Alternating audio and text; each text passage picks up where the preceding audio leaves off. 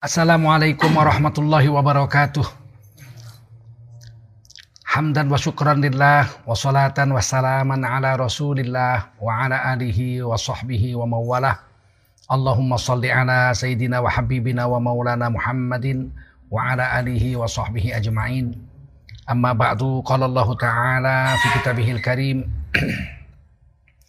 A'udzu billahi minasy syaithanir rajim.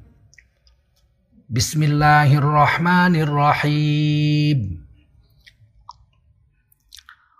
Ya ayyuhalladzina amanu taqullaha wa qulu qawlan sadida. Yuslih lakum a'malakum wa yaghfir lakum dhunubakum wa man yuti'illaha wa rasulahu faqad faza fawzan 'azima. Qala Rasulullah sallallahu alaihi wasallam Ad-dunya mata' wa khairul mata'iha al-mar'atus salihah. Sadaqallahul azim wa sadaqa rasuluhun nabiyul karim wa nahnu ala dhalika minasy syahidin wasyakirin walhamdulillahi rabbil alamin. Wajiblah kita bersyukur pada Allah SWT. Salawat dan salam kita sampaikan untuk baginda Rasulullah Sallallahu Alaihi Wasallam pada Bapak Profesor Dr. Khalidin Yakub, Ketua Akik Sydney, Australia, dan Ananda moderator pada hari ini serta seluruh pemirsa yang mengikuti acara online membicarakan dakwah agama kita khusus hari ini berjudul fikih wanita. Wanita dalam Islam adalah makhluk istimewa Kata Nabi, dunia mata. Dunia ini perhiasan. Wa khairul mata'iha al-mar'atus salihah. Dan perhiasan terbaik, yang termahal, yang paling berharga di dunia ini adalah wanita yang solehah. Mungkin kita berpikir bahwa yang paling mahal di dunia ini adalah mungkin berlian. Ya. Berlian, ya, diamond, mahal. Kalau kita punya diamond sebesar kuku saja mungkin harganya sudah puluhan miliar. Nah, kalau kita punya berlian, maka berlian itu secara filosofinya, secara akal kita menerima bahwa ini mesti dijaga dengan sangat hati-hati. Orang yang punya berlian yang harganya miliaran, itu akan dimasukkan dalam satu kotak dan kotaknya dikunci. Pakai kode lagi, titit-titit kalau sekarang bukan gembok lagi ke kode. Kemudian kotaknya itu dimasukkan dalam berangkas. Berangkasnya pakai kode lagi, titik-titik kunci. Karena berharga sekali. Berangkasnya diletakkan dalam kamar, kamarnya dikunci. Kamarnya diletakkan dalam rumah, rumahnya dikunci. Rumahnya dalam pagar, pagarnya dikunci. Sedemikian berhati-hatinya menjaga uh, berlian mahal ini karena dia memang berharga sekali. Tidak sembarangan orang bisa melihatnya, apalagi memegangnya. Maka seperti itulah, bahkan lebih mahal dari itulah seorang wanita. Karena dari seluruh perhiasan di dunia yang ada, baginda Rasul mengatakan yang paling mahal adalah wanita yang soleha. Maka semakin wanita menjaga dirinya dari laki-laki yang bukan mahramnya, dari eh, lingkungan-lingkungan yang terbuka, maka semakin berhargalah wanita itu dan semakin tepatlah penjagaan terhadap wanita itu. Makanya dalam Islam wanita wanita ini ada khusus pelajaran fikih, pelajaran syariat Islam mengenai wanita yang berbeda dengan laki-laki.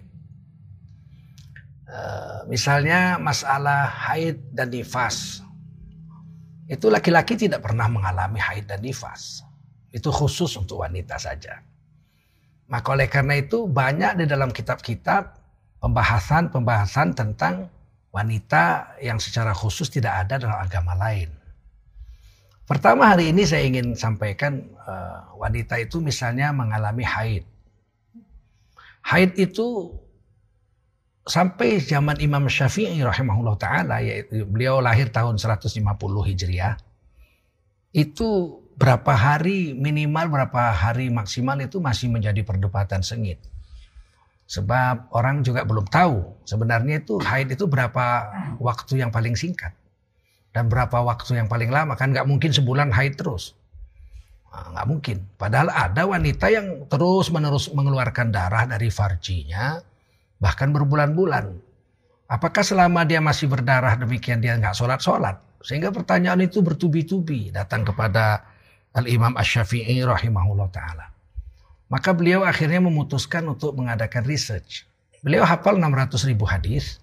Beliau orang Quraisy, paham bahasa Arab dengan sangat uh, dalam. Dan beliau hafal Quran sejak umur 7 tahun, 30 juz. Beliau belajar dengan guru beliau Imam Maliki yang hafal 600 ribu hadis juga. Imam besar masa itu di Masjid Nabawi, Masjid Rasulullah SAW. Jadi akhirnya beliau dalam riwayat menikahi 300 wanita yang semuanya mengalami permasalahan haid, berdarah pada farjinya. Jadi kalau ada wanita yang mengadu, ya dinikahi, diperiksa darahnya, kemudian berapa lama, bagaimana darah haid itu warnanya seperti apa, berapa lama, sampai 300 wanita sampai pada satu kesimpulan bahwa haid itu sebagai berikut. Nah, itu Imam Syafi'i memutuskan.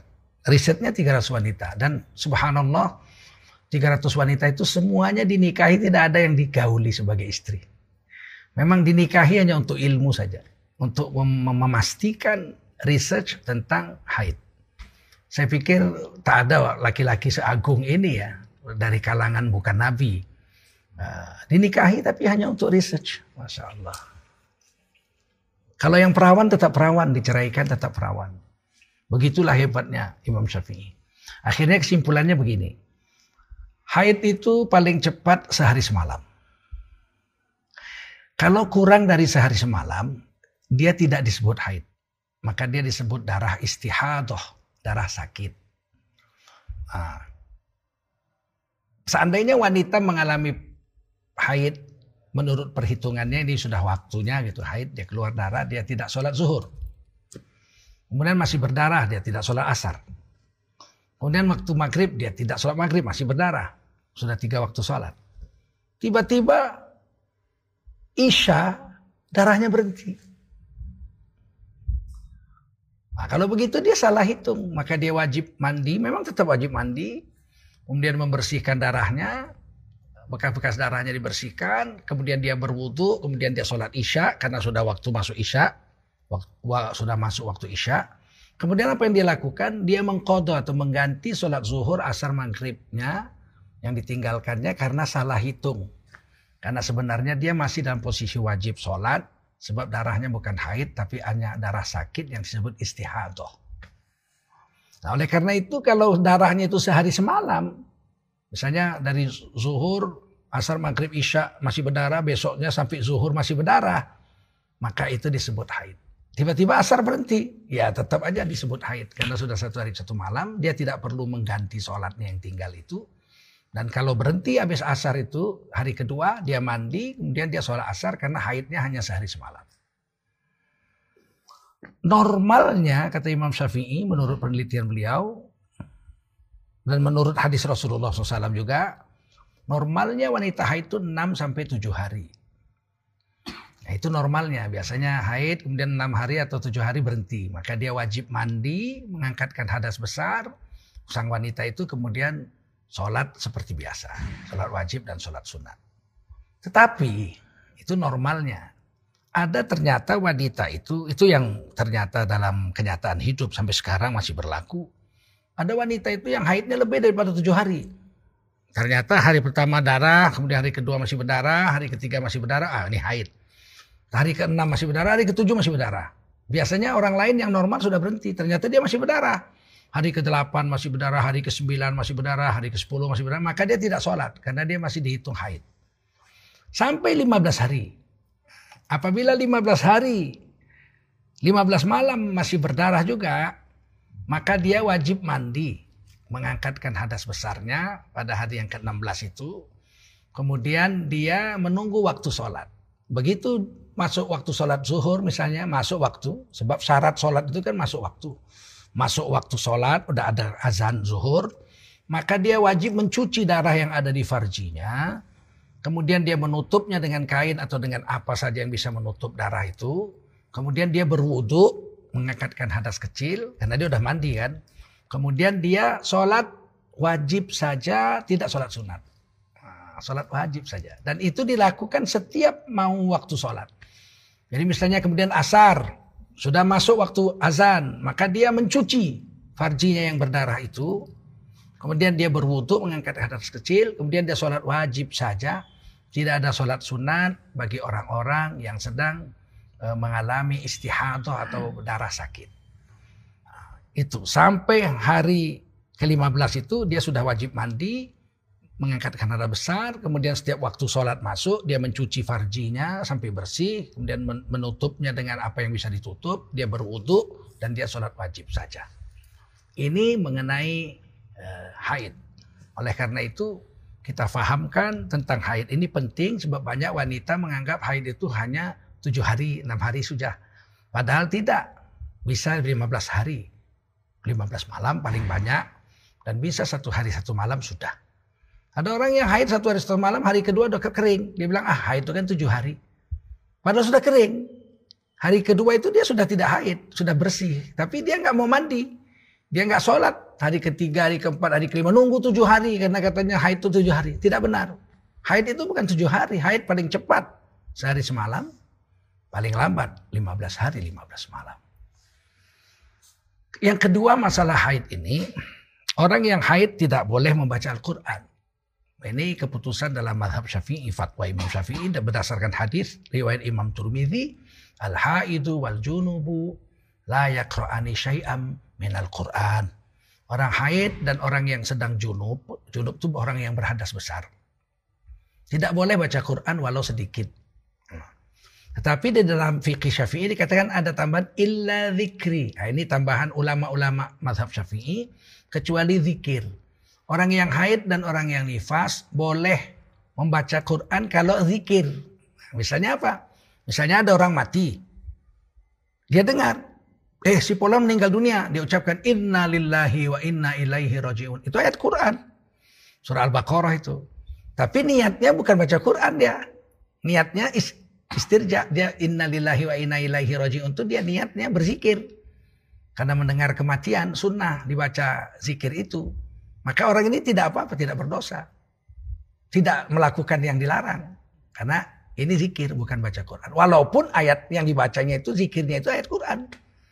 Nah, misalnya lagi orang haid, kan nggak boleh baca Quran, tapi dia mau naik kendaraan.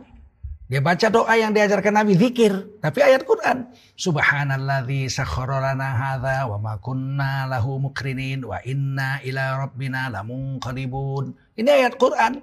Tapi karena niatnya naik kendaraan ini diajarkan Nabi sebagai zikir masnuna, maka dia membaca ayat Quran yang diniatkan zikir seperti ini walaupun dia haid atau nifas, tidaklah dia berdosa dan tidaklah terlarang. Atau dia naik kapal laut, dia baca Bismillahirrahmanirrahim wa mursaha inna rabbi laghafurur rahim. Ini niatnya kan zikir, zikir yang diajarkan Rasulullah meskipun dari ayat Al-Qur'an bagi orang yang haid dan junub dibolehkan membacanya sebagai niat zikir. Ini keterangan dalam madhab Imam Syafi'i dan ini memang unggul ya karena Rasulullah dalam hadis yang soheh kalau dalam junub dalam keadaan junub Rasulullah memang tidak membaca Quran sedikit pun. Uh, Rasulullah kadang-kadang kan junub belum mandi, Rasulullah tidak baca Quran sedikit pun. Nah ini hadisnya juga Turmidi dan riwayatnya Hasan, ya Hasan Soheh. Saya baca dalam uh, Syarah Turmidi sedemikian. Pertanyaannya, bagaimana dengan wanita-wanita penghafal Quran? Ya, seperti anak saya, putri saya, istri saya itu penghafal Quran ya. Bagaimana mereka mau mengulangi bacaannya kalau dia haid nggak boleh baca Quran. Kalau haidnya tujuh hari, bacaan Qurannya nggak diulang tujuh hari, tentu hafalannya bisa rusak. Hmm, maka ulama-ulama mazhab syafi'i mengatakan yang tidak boleh itu membaca. Layak ro'ani syai'am minal Quran. Haid dan junub, wanita haid junub tidak boleh baca. Tapi tidak dilarang mendengar. Hmm, jadi simaan tidak dilarang. Oleh karena itulah bagi putri-putri kami, santri-santriwati kami, ya anak eh, istri kami yang perempuan ini semua apabila sedang haid mereka mendengarkan bacaan Al-Qur'an untuk mengulangi bacaannya dan hatinya membaca tapi mulutnya tidak membaca. Karena koroa dalam bahasa Arab koroa membaca itu bergerak bibir. Nah, misalnya di dalam uh, fikih Syafi'i ya uh, la salata liman lam yakra bi fatihatil kitab. Tidak sah sholat orang baik jadi imam maupun jadi makmum apabila tidak membaca surat Al-Fatihah. Jika dia mampu ya baca Al-Fatihah. Nah, Qira'a di situ dalam hadis yang lain bagi Rasul itu kalau dilihat dari jauh sedang sholat itu bergerak bergerak bibir dan jenggotnya. Jadi Nabi itu kalau dilihat sahabat tuh dalam riwayat yang lain kalau sholat Allahu Akbar itu Rasulullah baca Fatihah atau ayat surah-surah yang dibaca itu nah, bergerak mulut dan jenggotnya itu namanya koroa meskipun kita tidak dengar suaranya karena bacanya sir rahasia bacaannya hanya dengar kuping Rasul sendiri tapi dari jauh kelihatan. Itu namanya koroa. Nah, kalau misalnya bibirnya nggak bergerak, Allahu Akbar. Fatihah dia baca tapi nggak bergerak. Maka ini disebut zakaro. Bukan koroa. Zakaro namanya. Berzikir. Kalau berzikir boleh nggak bergerak bibir. Air matanya saja yang bercucur namanya zikir sirri. Tapi kalau membaca yang namanya koroa, itu jelas harus bergerak bibirnya. Nah, sampai jenggotnya pun bergerak dari jauh kelihatan. Oleh karena itu di dalam hadis al-haidu wal junubu la yakra'ani syai'am minal Qur'an. Di sini yang dipakai oleh Rasulullah adalah kata qara'a. Orang haid dan orang junub kedua-duanya tidak boleh baca. Nah, baca. Mendengar boleh. Kalau mendengar hatinya ikut membaca karena dia penghafal Quran, maka yang hatinya membaca, mulutnya tidak membaca, tidak bisa disebut qara'a, dia disebut zakaro. Nah, Inilah yang menolong wanita-wanita penghafal Quran untuk mengulangi bacaan ketika mereka sedang haid dan nifas. Misalnya eh, seorang hafizah yang sedang haid atau sedang nifas, dia mau mendengarkan bacaan Al-Quran, hafalannya misalnya surah Al-Baqarah, dia putar CD atau dia suruh orang lain membaca, dia dengar. Walaupun dia mendengarkan, hatinya ikut membaca itu. Dalikal kita mulai roi wa fihi hudalil muttaqin. Tapi hatinya, bibirnya nggak bergerak. Ini tidak dilarang bagi wanita-wanita yang sedang haid dan sedang junub dan sedang nifas untuk membaca Al-Quran. Ini larangan yang kedua. Yang ketiga masalah nifas ini dan haid ini tidak boleh memegang mushaf Al-Quran. Jadi mushafnya itu tidak boleh dipegang oleh orang haid dan orang junub dan orang nifas. Pegang mushaf. Ini misalnya kitab suci Al-Quran, mushaf namanya. Pegang itu nggak boleh. Nah, nggak boleh. Kecuali darurat. Misalnya Quran ini terjatuh ke lantai, maka kita demi penghormatan terhadap Quran, kita ambil cepat-cepat letakkan di atas meja. Nah, padahal kita sedang haid atau sedang junub, boleh. Karena ini keadaan darurat menyelamatkan. Uh, demi penghormatan, ini usul fikih dalam madhab syafi'i. Demi penghormatan terhadap sesuatu yang wajib dihormati, boleh melanggar larangan. Nah, ini usul fikih ini harus diingat. Saya kasih contoh begini. Satu hari Rasulullah sedang dakwah. Masuk waktu sholat, zuhur. Sayyidina Bilal datang, ya Rasul sudah waktu zuhur. Kata Rasulullah tunggu dulu. Beliau dakwah terus. Karena dakwah ini kan wajib. Boleh geser sholat. Kalau boleh geser sholat berjemaah, boleh geser waktunya. Kalau sedang dakwah, itu sama, karena dua wajib datang, salah satu ngalah. Nggak berapa lama datang lagi Sayyidina Bilal. Ya Rasul, sahabat sudah nunggu semua, e, waktu sholat sudah masuk. Kata Rasulullah SAW, tunggu sebentar. Kali ketiga, Sayyidina Bilal bin Rabah radhiyallahu anhu Nabi datang, "Ya Rasul, eh, sahabat sudah menunggu sholat zuhur." Kata Rasulullah, "Laksanakan sholat zuhur, angkat Sayyidina Abu Bakar As-Siddiq radhiyallahu menjadi imam." Maka Rasulullah dakwah sedikit lagi diteruskan. Uh, Sayyidina Abu Bakar sholat dengan para sahabat. Imamnya Sayyidina Abu Bakar. Ketika selesai rokaat pertama. Masuk rokaat kedua. Ini hadis Bukhari Muslim. Rasulullah datang. Masbuk. Terlambat mengikuti jamaah. Sahabat yang paling belakang, soft paling belakang, barisan paling belakang, lihat Rasulullah datang, menggeser, memberi jalan memberi jalan. terus pada tepuk tangan gitu, pada tepuk tangan, tepuk tangan. Sehingga sahabat melihat Rasulullah datang, semua menggeser. Sehingga Rasulullah jalan terus sampai ke depan, sampai ke soft paling depan. Maka karena banyak sekali yang bertepuk tangan dari para sahabat waktu itu, maka Sayyidina Abu Bakar menoleh, melirik gitu. Eh, ada Rasulullah di belakang. Tentu Sayyidina Abu Bakar gak berani jadi imam ada Rasul. Maka beliau mundur. Rasulullah menurus, memeriksa, merintahkan terus. Terus saja jadi imam. Biar Rasulullah jadi makmum kan terus terus. Tapi Sayyidina Abu Bakar tetap mundur.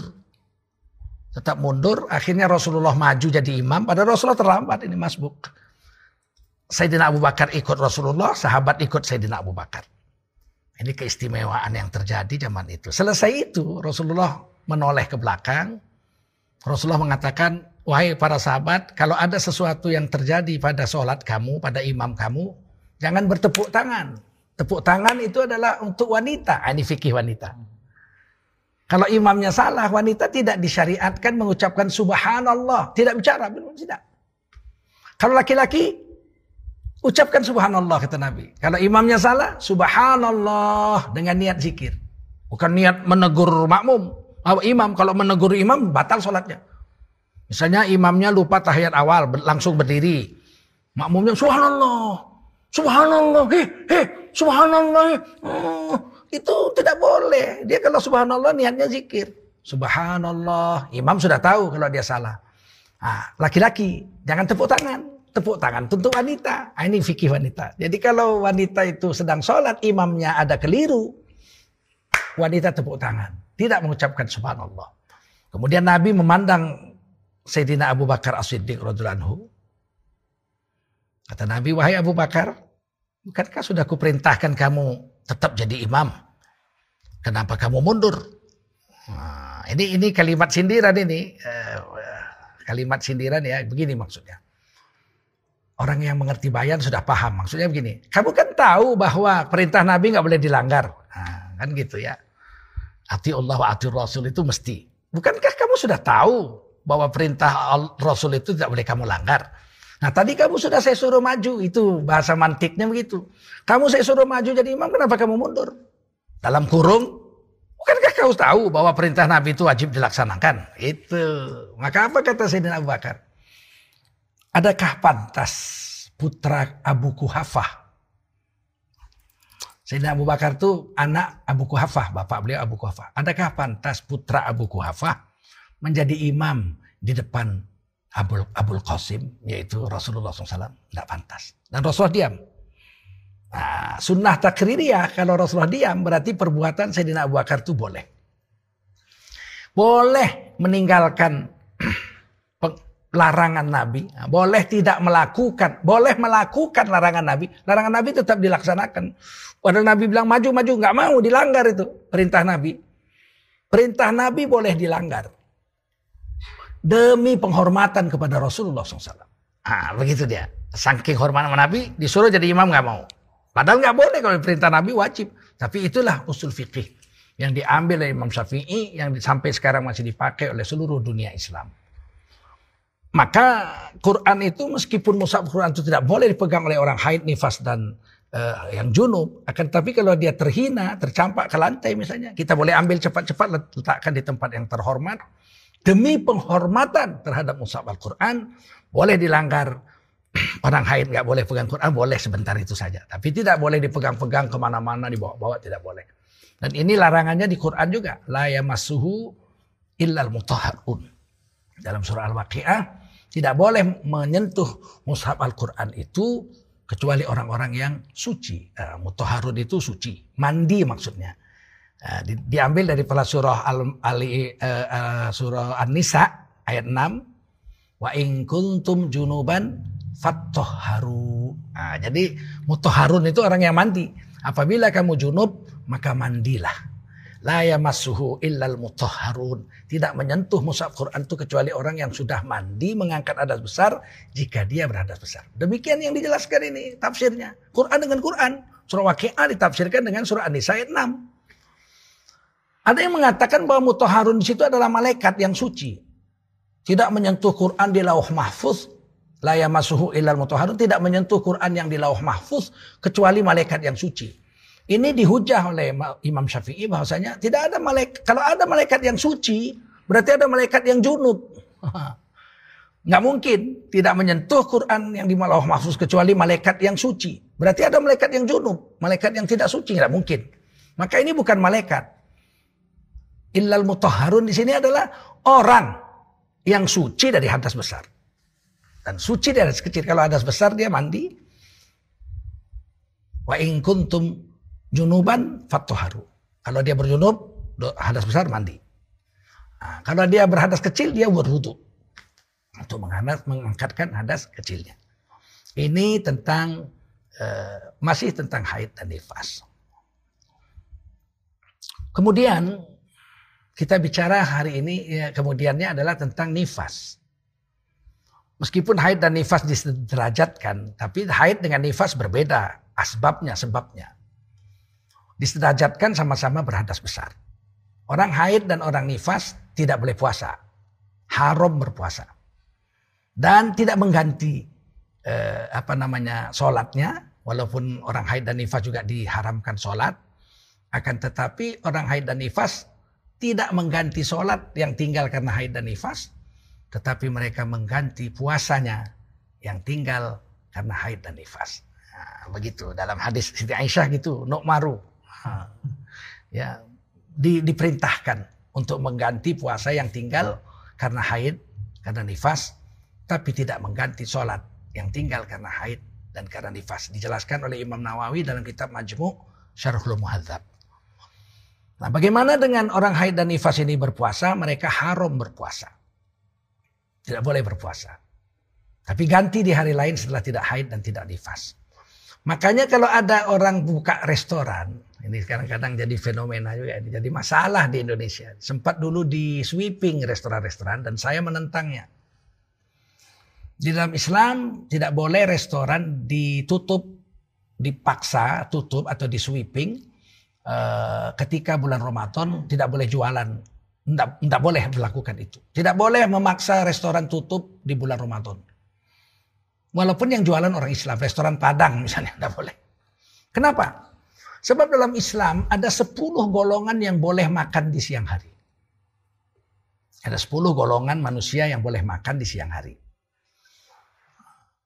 Mereka makan tidak berdosa. Dan tentu yang memberi makan kepada yang 10 orang ini juga tidak berdosa. Siapa itu? 10 golongan yang boleh makan di siang hari bulan Ramadan itu 4 di dalam Al-Quran. Dan 6 di dalam hadis. 4 di dalam Quran yang boleh makan siang di bulan Ramadan pertama adalah orang-orang yang tidak Islam. Sebab khitabnya alamat perintah itu ya ayyuhalladzina amanu hai kamu orang beriman. Jadi orang beriman aja yang wajib puasa. Kalau dia tidak beriman kepada Allah dan Rasulullah Muhammad SAW, dia nggak wajib puasa. Walaupun seandainya mereka puasa pun nggak berpahala. Makanya disebut yang boleh makan siang yang bukan orang Islam. Silakan dia mau makan. Seandainya ada restoran Padang, datang orang Islam, oh, bukan orang Islam, turis misalnya dari Cina, 200 orang makan semua situ siang hari Ramadan. Ya layani aja nggak apa-apa, nggak ada masalah. Kan memang mereka tidak diperintahkan puasa. Kemudian apa? Wa in uh, wa in kuntum mardo. Kalau kamu sakit. Kalau orang sakit boleh tidak puasa. Tentu sakitnya rekomendasi dokter. Hmm, rekomendasi dokter sakitnya. Jangan sakit panu, sakit kurap, kadas, nggak puasa, nggak ada hubungannya itu dengan puasa. Penyakit seperti itu. Tapi kalau penyakit yang mengharuskan, mewajibkan dia makan obat, ya dia nggak puasa. Nanti setelah sembuh dia ganti di hari yang lain. Jika kamu sakit, jadi orang sakit boleh nggak puasa. Yang ketiga, ala safar atau kamu musafir. Orang musafir boleh nggak puasa. Nah. Kemudian wa alal ladzina yutiqunahu fidyatun ta'amu miskin. Orang yang memang nggak bisa puasa udah lemah. Sakit bertahun-tahun yang nggak mungkin sembuh. Cuci darah misalnya, gagal ginjal. Nah ini nggak usah puasa, coba-coba ah puasa. Mati kalau kamu coba-coba. Kata Allah nggak usah puasa. Bayar fidyah aja 0,6 kg beras per hari untuk orang miskin. Nah, jadi sudah ada empat. Bayangkan kalau restoran ditutup. Di sweeping seluruh Jakarta, tidak boleh ada restoran. Tutup semua, hancurkan kalau buka. Tiba-tiba datang orang dari Aceh. Belanja ke Tanah Abang. Dia musafir, berpanas-panas cari baju segala macam dia di situ. Nggak puasa dia. Nah, masuk dia. Macam mana dia mau makan? Sedangkan dia memang nggak puasa dia musafir. Dia bilang, Ba'a kau Jakarta kau tutup restoran sadanya mampu ya mau makan. Macam mana? Dia mau datang ke rumah presiden dia makan atau datang ke rumah uh, Tengku Zulkarnain. Ya, dia makan ke restoran. Kalau restoran semua dipaksa tutup gimana orang musafir mau makan? Ini kan menentang ajaran Allah ini menutup restoran dengan paksa ini. Biarkan dia buka. Untuk penghormatan tutup aja pakai tabir. Kalau untuk dakwah dibikin besar-besar situ. Sepuluh orang boleh makan di sini. Tulis itu. Non-Islam, sakit, oh, musafir, jompo tua, lemah. Nah, tulis itu. Nah, itu di dalam Quran. Dalam hadis 6. Wanita haid, wanita nifas. Haram puasa. Haram puasa. Kemudian apa? Wanita menyusui dan wanita yang hamil. Ah, itu kan wanita ini. Wanita hamil dan menyusui boleh dua pilihan. Kalau haid dengan nifas nggak ada pilihan. Dia mesti nggak puasa. Kalau dia puasa haram berdosa.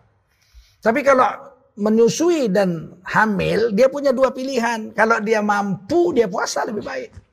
Kalau dia rasa nggak mampu, kalau ini saya puasa saya bisa sakit, ya nggak usah puasa. Ganti di hari yang lain. Tetapi kalau wanita hamil dengan wanita menyusui ini tidak puasa, di dalam madhab Imam Syafi'i ditanya sebabnya apa. Jadi bukan sembarangan juga. Di dalam kitab Fathul Mu'in dijelaskan, juga di dalam I'anatul Talibin dijelaskan dengan luas. Kalau wanita meninggalkan puasa karena yang wanita hamil dan haid, uh, wanita hamil dan menyusui itu meninggalkan ibadah puasa di bulan Ramadan karena takut dirinya sakit, mudarat pada dirinya, maka dia cukup mengganti di hari yang lain saja. Kenapa ibu nggak puasa? Saya hamil. Saya takut kalau saya hamil saya puasa saya sakit. Ah, kalau begitu ganti di hari lain setelah nggak hamil. Ibu ngapain nggak puasa? Saya pun menyusui anak. Saya takut kalau saya menyusui ini saya puasa, saya kekurangan gizi, saya bisa jatuh sakit. Jadi saya tidak puasa. Kalau begitu ibu ganti di hari lain saja, cukup. Akan tetapi kalau alasannya anaknya bukan alasan dirinya, beda. Jalan keluar yang disodorkan dalam madhab syafi'i.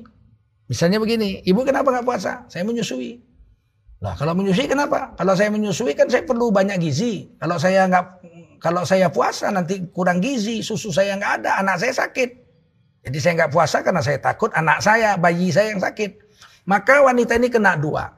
Selain ganti di hari yang lain, dia mesti bayar fidyah sama orang miskin sebesar 0,6 kg beras per harinya. Jadi kena dua dia. Karena menyusukan anak nggak wajib. Menyusukan anak itu tidak wajib. Menyusukan anak itu sunnah. Tidak wajib sunat. Kalau dia susukan berpahala. Kalau dia nggak susukan, Nabi disusukan orang lain. Ibu susu Nabi itu dua. Pertama, Suwaibah, budaknya Abu Lahab. Belakangan beliau masuk Islam. Suwaibah radhiyallahu anha ini menyusukan juga Sayyidina Hamzah. Karena umur Nabi dengan Sayyidina Hamzah kan serentak, sama. Sebaya. Sebab nikahnya sama. Sewaktu bapak Nabi Abdullah, Sayyid Abdullah pergi ke Madinah melamar Ibunda Aminah untuk jadi istri beliau dari suku Bani Najjar. Saat mau nikah itu Abu Talib, uh, Abdul Muthalib, kakek Nabi, bapaknya Sayyid Abdullah itu melihat seorang wanita duduk di dekat Ibunda Nabi Aminah. Ditanya, kamu siapa? Saya Ana. Udah kawin? Belum. Mau saya kawini? Mau katanya. Warna Abdul Muthalib kan tinggi besar, tampannya bukan main. Mau dinikahi bareng-bareng. Abdul Muthalib menikahi sepupunya, sepupunya uh, Aminah itu, ibu Aminah dinikahi oleh Said, Said Abdullah bapak Nabi. Pulang dari Madinah dua-dua bawa istri. Saat itu dalam kitab sejarah Rasul uh, ada yang mengatakan Abdul Muthalib itu kakek Nabi umurnya 80 tahun. 80 tahun masih punya istri. Dan punya anak. Anaknya Sayyidina Hamzah. Said Abdullah punya anak juga namanya baginda Rasulullah Muhammad SAW disusukan oleh budaknya Abu Lahab namanya Thuwaibah radhiyallahu Barulah beberapa hari kemudian datang wanita dari eh, pegunungan Bani Sa'ad, yaitu Halimah Tusadiah, dengan bap, suaminya Abu Zaid. Diambillah Rasulullah ke pegunungan Bani Sa'ad, disusukan di sana dan dipelihara di sana sampai usia enam tahun. Tidak wajib menyusukan anak. Makanya sang bapak, nih saya ingatkan nih, nih bapak-bapak nih. Sunat membayar uang lelah istri ketika menyusui. Nah, itu dalam Quran itu. Jadi kalau istri kita, saya guru saya al almarhum Haji Sayuti Nur. Kiai Haji Sayuti Nur di Medan, ini pendiri salah satu Al-Ittihadiyah di Medan.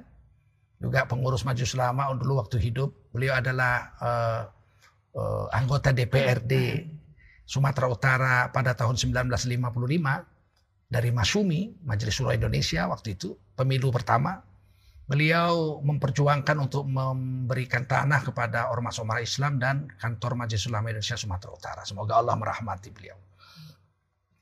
Itu setiap anaknya lahir, istri beliau menyusukan anak-anaknya semua jadi ulama. Ya, Kiai Haji Nur Hadi, Sayyidi Nur Anwar, Sayyidi Nur, semua jadi ulama. Itu setiap istri beliau menyusukan anak beliau, beliau kasih upah kasih upah. Ini upah kamu dari Allah. Masya Allah. Begitulah ulama ya. Allahu Akbar. Ini upah kamu dari Allah. Kamu menyusukan anak saya. Terima. Istrinya bilang, ini anak saya. Iya, tapi Allah menyuruh saya sebagai suamimu memberikan upah kamu menyusukan anak. Tidak ada agama lebih sempurna dari Islam. Kalau ada orang Islam murtad dari Islam memang bodoh betul lah. Ya, ngerti dia betapa hebatnya Islam ini. Al Islamu ya'lu wa la alaih. Islam ini tinggi, nggak ada lebih tinggi dari Islam. Sampai sedemikian ini diatur dalam agama. Karena tidak wajib wanita menyusukan anak. Kalau dia menyusukan anaknya, dia tidak puasa, takut anaknya yang sakit. Dia tidak puasa karena hamil takut bayi yang dalam kandungannya yang sakit, maka dia selain wajib mengganti hari lain, dia ditambahi fidyah. Itulah hebatnya karena meninggalkan puasanya karena sesuatu yang sunat itu. Kalau memelihara diri kan wajib, memelihara anak nggak wajib. Ah, saya pikir kita harus yakini kemuliaan Imam Syafi'i membahas tentang fikih wanita haid dan nifas menyusui dan uh, hamil ketika urusan berpuasa ini. Baru yang kelima dalam hadis yang boleh tidak puasa adalah anak-anak. Jadi anak-anak boleh makan siang. Dan yang terakhir ini yang paling enak nih. Yang terakhir yang keenam. Dalam hadis yang ke-10 dari Quran dan hadis boleh nggak puasa. Ini kalau kena ini seumur hidup nggak perlu puasa. Siapa itu? Orang gila. Ya ini dia. Orang gila memang tidak berlaku hukum sama dia. Gak usah kalau gila, oh, kamu harus puasa, latihan-latihan. Mana tahu kamu besok sembuh. Oh dihancurinya, rumah kita pecah-pecah kaca. Orang gila kalau disuruh lapar. Jadi dalam Quran itu memang dalam hadis begitu sempurna. Jadi ada sepuluh. Kalau sepuluh orang ini boleh makan siang, menurut Quran empat, menurut hadis enam. Tiba-tiba restoran diwajibkan tutup semua. Ini sepuluh makan ke mana ini yang sepuluh orang ini? Terus ada orang mengatakan, ya kalau yang belanja itu, kita kan nggak tahu dia salah satu dari sepuluh. Tulis aja situ, sepuluh orang boleh makan di pintu restoran itu besar-besar. Silakan belanja sini makan. Udah. Dan kita kan mesti sangka baik, husnuzon. Mana boleh kita curiga. Datang perempuan bilang, bang tolong bungkuskan nasi pakai rendang ayam, pakai sambal, pakai sayur. Perempuan itu pakai kerudung. Kita bilang, macam mana ibu ini? Pakai kerudung kok makan siang. Lo saya haid. Loh saya periksa dulu coba. Mana boleh diperiksa. Kita harus sangka baik sama sesama muslimah. Sesama manusia ini begitu. Nah, ini tentang fikih wanita yang kita baru ketahui adalah uh, tentang haid dan nifas. Waktu kita masih ada? Saudara Aulia Adinda gimana? Nah, baik. Uh, kemudian saya ingin sampaikan karena wanita ini perhiasan.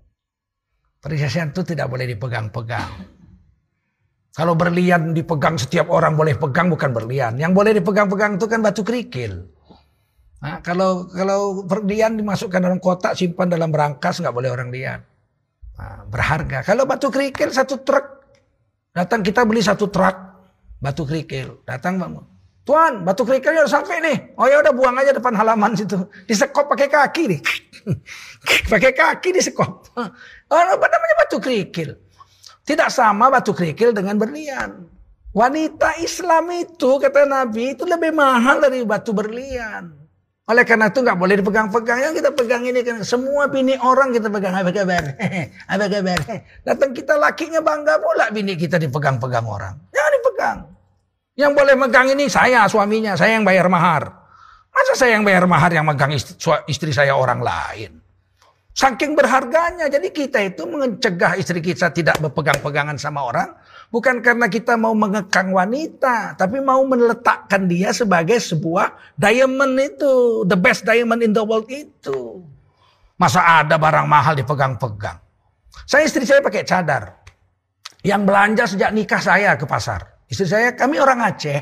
Biasa belanja ke pasar itu kami. Bukan bukan perempuan. Yang jualan di pasar laki-laki. Makanya tukang nasi goreng, tukang belanja di pasar. Pasar-pasar Aceh itu yang jualan laki-laki. Yang belanja juga laki-laki. Ini bukan adat Aceh aja. Ini syariat Islam. Jadi saya, istri saya pakai cadar tentu yang belanja saya. Satu hari istri saya minta ke ke sentral pasar kami mau um, haji waktu itu, uh, mau umroh, uh, mau haji. Jadi mau beli baju ihram. Dia mau pilih sendiri pakaian ihramnya, bahannya. Tiba-tiba di halaman sentral itu banyak perempuan-perempuan jualan. Menjerit-jerit mereka lihat. Bayangin tahun 90 ya. Orang pakai cadar itu baru istri saya waktu itu.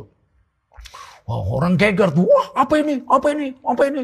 Wah, saya lihat ada inang-inang orang Batak, perempuan Batak sedang jual jengkol, digelarnya di tikar gitu, dia duduk di pinggir trotoar gitu. Saya jalan di depannya. Setelah parkir sepeda motor, dia nanyanya sopan. Yang lain kan menjerit-jerit, ngejek-ngejek. Inang ini dia nanya sopan. Amang, kenapa mesti ditutup Amang? Dia jawab. Saya dia dia, dia nanya sopan dan memang mau tahu. Saya tidak marah. Saya bilang, saya bilang lantaran mahal inang. Karena istri saya saya tutup karena mahal. Bah, kalau mahal ditutup, iyalah. Kalau mahal ditutup berlian, nah itu tutup. Disimpan. Iya ya, tidak boleh sembarangan dipegang. Kalau murah, ini macam jengkol inang ini. Saya bilang kalau murah dia ya, diletakkan di lantai. Semua orang boleh pegang, cium, tengok, periksa. Kalau istri saya tidak bisa, dia berlian, bukan jengkol. Inak itu ketawa, abang, betul abang, betul itu abang, ah, betul itu abang. Jadi kadang-kadang pengalaman dakwah ini ya. Maka wanita-wanita selain tidak boleh dipegang, dia ditutup. Dalam Islam dua pakaian wanita, tidak lebih. Pertama surah Al-An-Nur ayat uh, 31. Wal yadribna bi khumurihin ala juyubihin wajiblah wanita mengulurkan kerudungnya sampai dadanya. Jadi kerudung itu bukan dililit di leher kayak ular kobra kurang panjang. Nah, ya, tapi ditutup kepala, nampak wajahnya, nampak telapak tangannya, tapi panjangnya sampai dadanya. Ala juyubihin. Ini namanya kerudung. Bahasa Arabnya khimar, jamaknya khumur. Bihumurihin. Nah, pakai kerudung-kerudung mereka. Sampai dada. Itu yang pertama.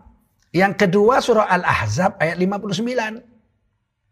Ya ayuhan nabi, hai nabi. Qul li azwajika wa banatika wa nisa'il mu'minin yudnina alaihinna min jalabibihin. Hai nabi, perintahkan kepada istri-istrimu, perintahkan kepada anak-anak wanitamu, dan perintahkan kepada istri orang beriman seluruh dunia sampai hari kiamat Wajiblah mereka menutup seluruh tubuh mereka dengan jilbab-jilbab mereka. Nah, ini bahasanya jilbab. Kalau an-nur kerudung. Apakah jilbab? Jilbab menurut kitab tafsir jalan lain, Durul Mansur, Ibnu Katsir, Qurtubi, tafsir Departemen Agama 12 jilid, 12 jilid warna kuning dicetak oleh Universitas Islam Indonesia, ditandatangani oleh Menteri Munawir Sazari almarhum. Jilbab adalah sejenis baju kurung yang longgar, yang lapang, yang dapat menutup kepala, wajah, dan dada. Ah, jadi dalam Al-Quran terjemahan Republik Indonesia aja disebut footnote itu. Footnote. Bawah. Jilbab ialah sejenis baju kurung yang, lang, yang lapang yang dapat menutup kepala, wajah, dan dada. Itu Departemen Agama, Kementerian Agama Republik Indonesia. Belum tafsir-tafsir Arab. Hadisnya Bukhari. Kalau hadisnya dari Sayyidina Umar bin Khattab tentang pakaiannya istri Nabi yang disebut Sa'udah binti Zam'ah. Makanya kalau ada orang bilang pakai cadar, radikal. Yang bilang Menteri Agama kita tanda tangan bagaimana cadar itu ada di Quran surah Al-Ahzab 59. Tafsir Al-Maroghi dan lain-lain. Nah jadi wanita Islam saking mahalnya suruh tutup tubuh auratnya. Sampai tapak kakinya pun ditutup. Tapi dia boleh pilih dua. Apakah kerudung nampak wajahnya? Atau dia boleh pilih jilbab tutup wajahnya. Saya memilih tutup wajah untuk istri saya, anak perempuan saya dua-duanya. Dan Alhamdulillah hari ini eh, kakak saya yang paling tua juga tutup. Padahal beliau yang paling cantik, Masya Allah. Hidung mancung, wajah bugur sirih. Ya, cantik sekali, putih lagi. Dia tutup wajahnya, Masya Allah. Dan adik saya yang paling kecil perempuan juga tutup wajah. Sebulan sebelum uh, Ramadan, keponaan saya, Anissa tutup wajah. Dan kakak saya yang nomor dua, seorang polisi, pensiun, hari ini tutup wajah. Masya Allah. Ini Ramadan bagi saya anugerah besar sekali. Mudah-mudahan sampai di sini dulu fikih wanita ini nggak selesai. Kita belajar setahun pun nggak tamat. tapi saya coba cuplik-cuplik apa yang ada di dalam akal saya saja. Saya tidak pakai kitab, tapi insya Allah yang saya sampaikan ini kitab-kitabnya saya sebutkan semampu saya agar tuan-tuan yakin bahwa agama ini nggak ngarang-ngarang. Bahwa Tengku Zulkarnain ceramah tidak ngarang-ngarang. Ini ceramah berdasarkan ilmu yang saya pelajari. Tentu dari madhab syafi'i, sebab madhab lain saya tidak expert dalam hal itu. Saya bukan ahlinya. Saya belajar empat madhab. Tapi saya memilih madhab syafi'i. Maafkan saya, saya tidak bisa menceritakan keempat madhab. Sebab inilah patronnya Tengku Zulkarnain. Saya Tengku Zulkarnain bermadhab Imam Syafi'i. Dibesarkan, dididik di Muhammadiyah. Dan belajar di Al-Wasliyah. Dan sekarang menjadi pengurus Majelis Ulama Indonesia dari Matlul Anwar. Sebagai Wakil Sekretaris Jenderal Majelis Ulama dua periode.